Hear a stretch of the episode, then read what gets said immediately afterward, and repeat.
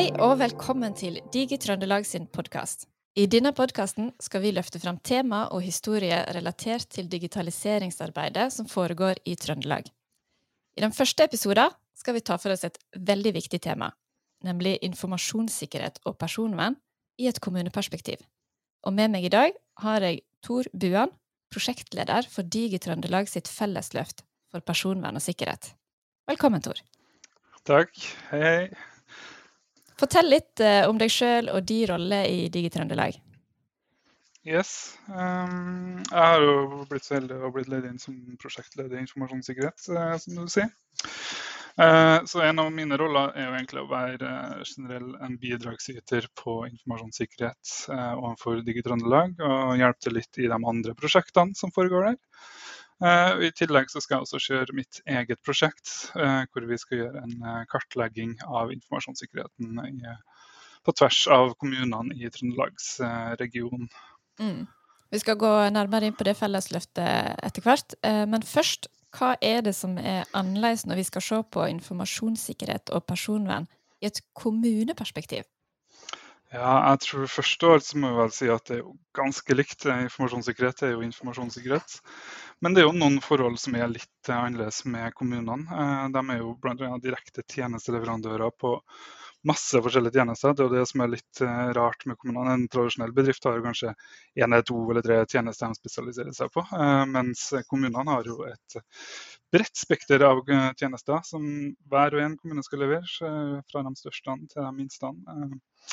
Så det gir jo litt spesielle utfordringer som kommunene må ta inn over seg. I tillegg så er de jo underlagt en del lover som kanskje ikke den gjengse Eh, selskapet er underlagt, eh, sånn som sikkerhetsloven eh, er jo ganske spesiell. Hvorfor er dette et aktuelt tema akkurat nå?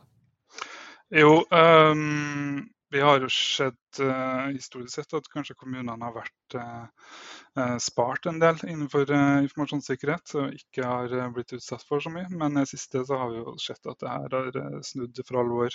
vi har jo Østre Toten-saken, som er veldig kjent og blitt allmenn seie, egentlig. de fleste vet jo hva den går i, men det var jo Østre Toten har vært angrepet av et kryptovirus, hvor de krypterte alle datasystemene deres og gjorde dem utilgjengelige. Det er et veldig vanlig virus nå i dag, egentlig, eh, dessverre. Eh, det som er ekstra uh, ubehagelig for Østre Toten-saken, er jo at de i tillegg til at de krypterte og gjorde alle datasystemene deres uh, ubrukelige, så tok de altså stjålet en god del informasjon. Uh, da informasjon om, som handla om hvordan innbyggerne i Østre Toten har kommunisert med kommunen. Så det kan være veldig mye sensitive opplysninger der. og de har fortsatt jeg tror det er noe som er blitt lekt eh, på nettet, men ikke alt har blitt lekt på nettet. Så det er jo en ubehagelig sak for Østre Toten sjøl i dag, når de har jo klart å få tilbake datasystemene sine. Men de vet jo ikke om de her dataene plutselig blir lekt på et eller annet tidspunkt. Uh, vi hadde også senest i sommer en sak i Tromsø kommune, uh, der de fikk en e-postadresse hacka eh, eller tatt over da, eh, i kommunen. Og den starta å sende ut eh, forespørsler til masse jeg tror det var 15 000 e-poster den sendte ut da, til forskjellige ansatte i kommuneverden for, for, å prøve å lure dem igjen da, og ta passordene deres. Så ettertid så ser det ut som de klarte å stoppe det angrepet. Så det var jo flaks og dyktighet. Men det viser bare hvor aktuelt temaet er. da. Ja, disse her eh, databruddene de, de, minner jo oss på at det er noe vi må forholde oss til i dag. Eh, og så har man lenge tenkt at det er eh, Det skjer ikke oss, det er bare ei lita kommune i lille Norge. Hvorfor er vi egentlig så attraktive mål? Veldig godt spørsmål. Um, jeg tror nok mye av det har med at kommunene har så mye persondata, litt som vi var inne på i stad. De skal levere veldig mange tjenester eh, til innbyggerne sine. Eh, så Det betyr at selv ganske små kommuner får veldig mye persondata eh, som de får inn til datasystemene sine. Og persondata er ofte det eh, de kriminelle er ute etter, fordi det er det de bruker til å gjennomføre ID-tyveri. Eh, ja, forskjellige ting til å få ut eh, økonomiske gevinster. Um, og I tillegg, så, litt som vi om i sted, så har det vært litt lite fokus på sikkerhet i kommunene tidligere. For de har vært spart ganske lenge for de store angrepene. Det er først de siste årene egentlig skjer den store bølgen med angrep.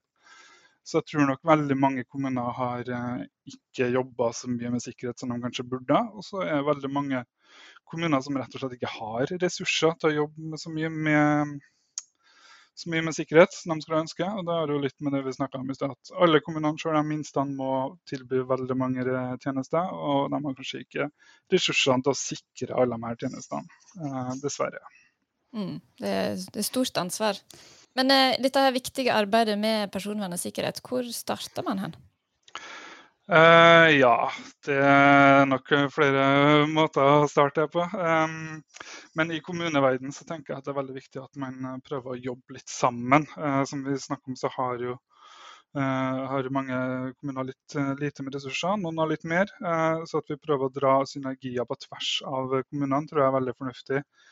Eh, og det er jo litt det vi prøver på her i Digi Trøndelag òg. Eh, vi skal jo skape samarbeid på tvers av eh, trøndelagskommunene. Eh, så ja, prøv å gjøre det løftet der. Og jeg vet også at det er kommuner nå som prøver å samarbeide sjøl på informasjonssikkerhet. Der de eh, går sammen om å kanskje anskaffe sikkerhetsressurser som skal deles mellom kommunene. Eh, og jeg tenker det er en veldig fornuftig måte å jobbe med sikkerhet på i kommuneperspektiv. Ja, det høres veldig lurt ut. Uh, og det her fellesløftet i Digitrøndelag, det er jo én måte å jobbe i lag på. Hvor er vi i det prosjektet nå? Uh, vi er fortsatt ganske tidlig i det prosjektet. Um, tanken vår er at vi skal lage en kartleggings, en spørreundersøkelse i bunn og grunn, som vi skal sende ut til alle kommunene.